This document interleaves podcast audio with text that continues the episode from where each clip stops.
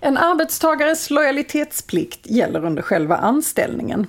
Men vad kan man som arbetsgivare göra om man vill begränsa en arbetstagares möjligheter att rekrytera kunder och anställda efter anställningens upphörande? Ja, i många anställningsavtal finns klausuler om så kallade värvningsförbud. Och det handlade även rättsfallen AD 2018 nummer 61 och 62 om.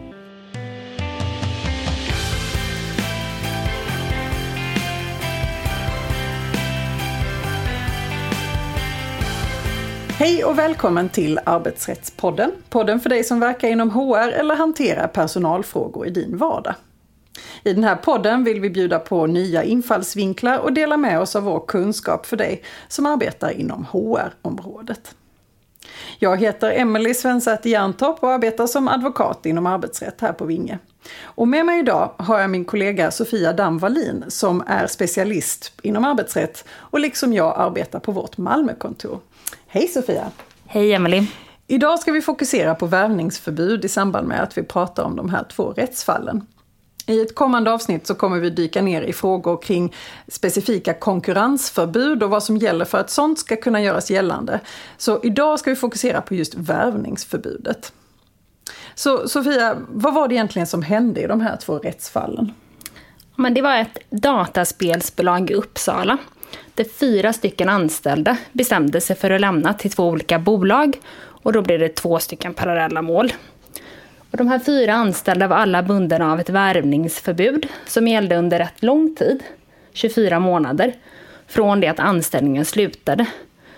Eh, och eh, det riktade både in sig på anställa eller anlita personal på, eh, hos den gamla arbetsgivaren, försöka rekrytera personal på, hos den gamla arbetsgivaren eller på annat sätt verka för att personal hos den gamla arbetsgivaren lämnade spelbolaget. Så det kan man säga är ett väldigt brett värvningsförbud egentligen? Exakt. Och det här förbudet var också kopplat till vite. Och vad, vad hände då? Ja, men bolaget gick direkt till tingsrätten och så ansökte man om eh, vitesförbud även interimistiskt. Alltså, Vad betyder det?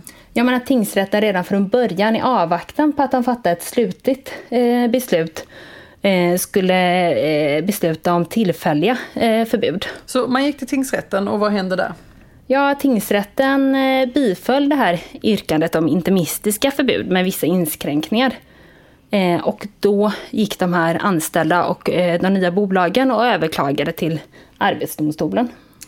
Och vad sa Arbetsdomstolen då? Det är det här som det börjar bli riktigt spännande för oss arbetsrättare. Eh, för det finns inte så många eh, rättsfall om just värvningsförbud. Så AD de började titta på den tidigare praxisen som finns om konkurrensklausuler som regleras i 38 paragrafen avtalslagen. Och så tittar man även på 36 paragrafen avtalslagen, den här generalklausulen om att avtal ska jämkas eller lämnas utan avseende om de är oskäliga. Okay. 38 den är ju specifikt för konkurrensklausuler och säger att de får inte sträcka sig längre än vad som anses skäligt. Och de började då i 38 paragrafen, vad kom de fram till där? Ja, men de konstaterade att i praxis så är det en restriktiv syn när det gäller just konkurrensklausuler arbetsgivaren måste ha ett berättigat syfte. Till exempel att skydda företagshemligheter eller kundrelationer.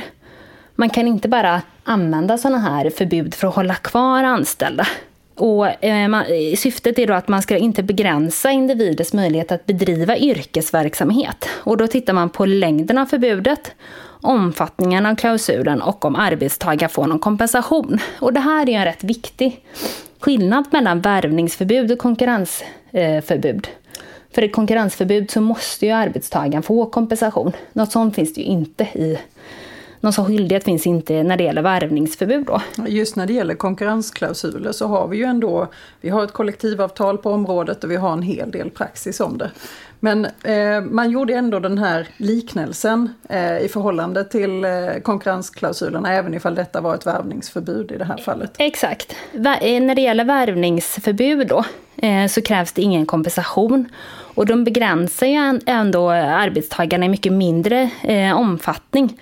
De syftar nämligen till att motverka att arbetstagare som lämnar ett bolag rekryterar anställda hos den gamla arbetsgivaren eller tar över den äh, gamla arbetsgivarens kunder Men i det här fallet så var det bara ett förbud som riktades mot att rekrytera den tidigare arbetsgivarens eh, personal, inte ett sånt här så kallat kundraggningsförbud.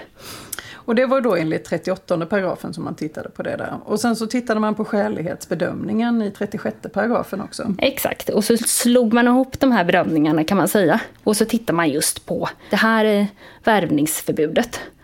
Och då säger man, precis som du konstaterade redan från början, att det här är ju jättebrett. Det träffar alla arbetstagare i alla yrkeskategorier i bolaget. Det vill säga man hade skrivit in det i allas anställningsavtal, eller väldigt många anställningsavtal utan urskiljning i alla fall.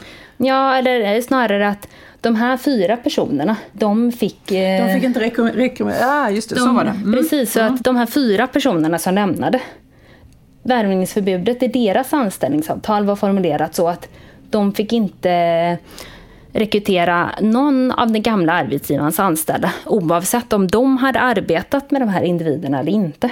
Så det träffade alla, andra, alla, alla av deras kollegor helt enkelt? Exakt. Mm. Och det, det tycker man är väldigt brett. Det är bättre då kan man säga att rikta in sig på en viss krets arbetstagare som den här personen som lämnar har varit i kontakt med. Så att man faktiskt har fått någon information som är värd att skydda. Ja men exakt. Mm. Och mer då? Vad tittade man på mer? Man tittade också på att de här anställdas kännedom om andra eh, arbetstagare hos eh, det gamla bolaget, de var inte att jämställa med företagshemligheter eller liknande information. Och syftet var inte heller att beskydda eh, bolagets kundrelationer eftersom det inte fanns ett sånt här kundraggningsförbud i klausulen. Sen sa man ändå att ja, även om det är så här så finns det ett berättigat syfte för arbetsgivarna att, att skriva in och använda sig av ett sånt här värvningsförbud under en kort tid. För att en arbetsgivare har rätt att eh, till, under en viss övergångsperiod få ställa in sig till den här nya verkligheten för att kunna skydda sitt bolag. Så att inte de här Eh, arbetstagarna som läm lämnar tar med sig massor med personal från den gamla arbetsgivaren då. Som ju kan få ganska stora konsekvenser. Egentligen. Ja men verkligen, för personal är ofta det viktigaste som ett bolag har. Och, så man säger att det här är någonting som är viktigt och någonting som är värt att skydda. Mm. Och vad, vad blev bedömningen i slutändan då? Ja, men man eh, la just då fokus på att det var det inte var begränsat till, att, eh, till endast arbetstagare eh, som de här fyra som lämnade hade arbetat med. Förbudet var inte begränsat till enbart aktiv rekrytering utan det omfattade även eh, ett förbud för anställda hos den gamla arbetsgivaren att självmant söka upp de här två nya bolagen.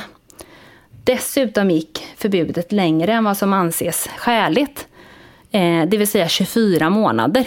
Så redan vid eh, ADs prövning, då det hade gått relativt lång tid, det vill säga 6 till 18 månader, eh, så hade det här berättigade intresset klingat av. Och därför så upphävde AD tingsrättens dom och meddelade inget intimistiskt förbud. Så vad kan vi då dra för lärdomar av de här rättsfallen? Ja, man ska bara skriva in värvningsförbud i anställningsavtal om det är motiverat. Och när är det då egentligen motiverat? Ja, om det är en anställd eh, som har eller kommer få kunskaper om företagshemligheter eller liknande, då är det nästan alltid motiverat att ta med sådana här värvningsförbud i anställningsavtalen. Och då bör man ju komma ihåg att det är ju inte alltid eh, så att den tjänsten som en person går in på är den tjänsten som en person har när den väljer att lämna bolaget. Utan man ska tänka, finns det en eh, potential att den här personen får sån kunskap? Ja, då kan det vara en god idé att skriva in eh, ett värvningsförbud. Och ifall man då inte har den här typen av företagshemligheter då? Ja, men då kan det ju ändå vara motiverat att skriva in ett förbud om det gäller exempelvis viktigare anställda i bolaget. Men man bör då komma ihåg att ett sådant förbud, och det är ju det bland annat som vi har lärt oss av de här två rättsfallen, är bara motiverat i en kortare övergångsperiod. Så då måste man anpassa längden på värvningsförbudet. Okej, okay. så att bara när det är motiverat, eh, vad ska man mer tänka på? Man kan jobba med att begränsa klausulen på olika sätt. Man kan till exempel skriva in att den bara omfattar sådana eh, arbetstagare i bolaget som den specifika arbetstagaren kommer att arbeta med. Eller till exempel anställda med en viss eh, yrkeskompetens hos eh, arbetsgivaren. Man ska bara ta med aktiv rekrytering. Och med aktiv rekrytering menar vi? Ja, men att de här personerna som lämnar aktivt söker upp de gamla eh, arbetstagarna. Så motsatsvis passiv rekrytering ska man inte ta med. Det vill säga ifall det är någon som eh, söker sig självmant till den eh, nya arbetsgivaren. Ja men exakt, för det som man inte vill här, det är att man vill inte skapa inlåsningseffekter på marknaden. Och att hindra arbetstagare från att själva söka upp ett bolag, det vore att skapa stora inlåsningseffekter på arbetsmarknaden. Mm. Och sen ska man ju då just arbeta med tiden. Eh, och tänka, hur lång tid behöver jag här? Vad är skäligt? Har den anställda företagsspecifikt kunnande eller ska det bara vara förbud i en övergångsperiod? Och dessutom så kan det ju vara så att en anställd Eh, när den lämnar bolaget har en helt annan typ av tjänst och det kanske inte längre är motiverat med ett värvningsförbud. Eller så kanske värvningsförbudet ska vara mer begränsat. Och då kan man alltid som arbetsgivare eh, inskränka förbudet på det sättet att man, eh, att man gör det mindre omfattande. Och det kan man göra ensidigt. Man kan däremot aldrig lägga in ytterligare förpliktelser för arbetstagaren ensidigt. Så inte utöka men eh, överväga i alla fall att inskränka det för att det ska bli starkare så att man inte eh, riskerar att det blir ogiltigt. Exakt, för det är ju det man är rädd för. Och eh, att eh, att ett förbud ska, ska ses som oskäligt och därmed ogiltigt, då är det bättre att inskränka det så att man har ett, ett förbud som håller. Ja, de här rättsfallen har ju diskuterats väldigt mycket inom de arbetsrättsliga kretsarna. Eh, och, men man ska, man ska säga att det här rör sig om två rättsfall som inte, vi kom inte så mycket längre än så här egentligen. Vad hände? Nej, men efter det att AD eh, ändrade tingsrättens eh, beslut så eh, gick ju målet åter till tingsrätten och där valde spelbolaget att återkalla. Eh, och så eh, skrevs eh, målen av. Men det finns saker som vi bör ta med oss från de här rättsfallen. Och det är ju framförallt att nästan alla arbetsgivare bör göra en översyn av sin användning av värvningsförbud och även utformningen av värvningsförbuden. När det gäller konkurrensklausuler har vi ju sedan tidigare en god vägledning för hur de ska utformas för att de ska kunna göras gällande. Där har vi ju trots allt kollektivavtal på området.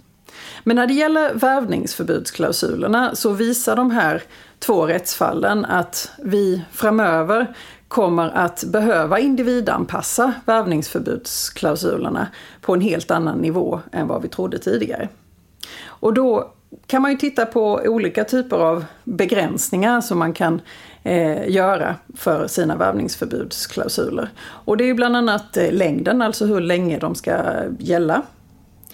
Eh, vilken grupp anställda som de facto träffas av dem, alltså vilka anställda som får dem inskrivna i sina anställningsavtal och därmed förbjuds att rekrytera sina kollegor. Men man bör också titta på vilken grupp personer som de här anställda förbjuds att rekrytera. Och i vilken situation de förbjuds att rekrytera dem. Det vill säga handlar det om passiv eller aktiv rekrytering. Alla de här sakerna och givetvis flertal andra omständigheter är sådant som man kan använda för att på ett effektivt sätt begränsa sina värvningsförbudsklausuler. Tusen tack för idag Sofia! Tack själv Emelie!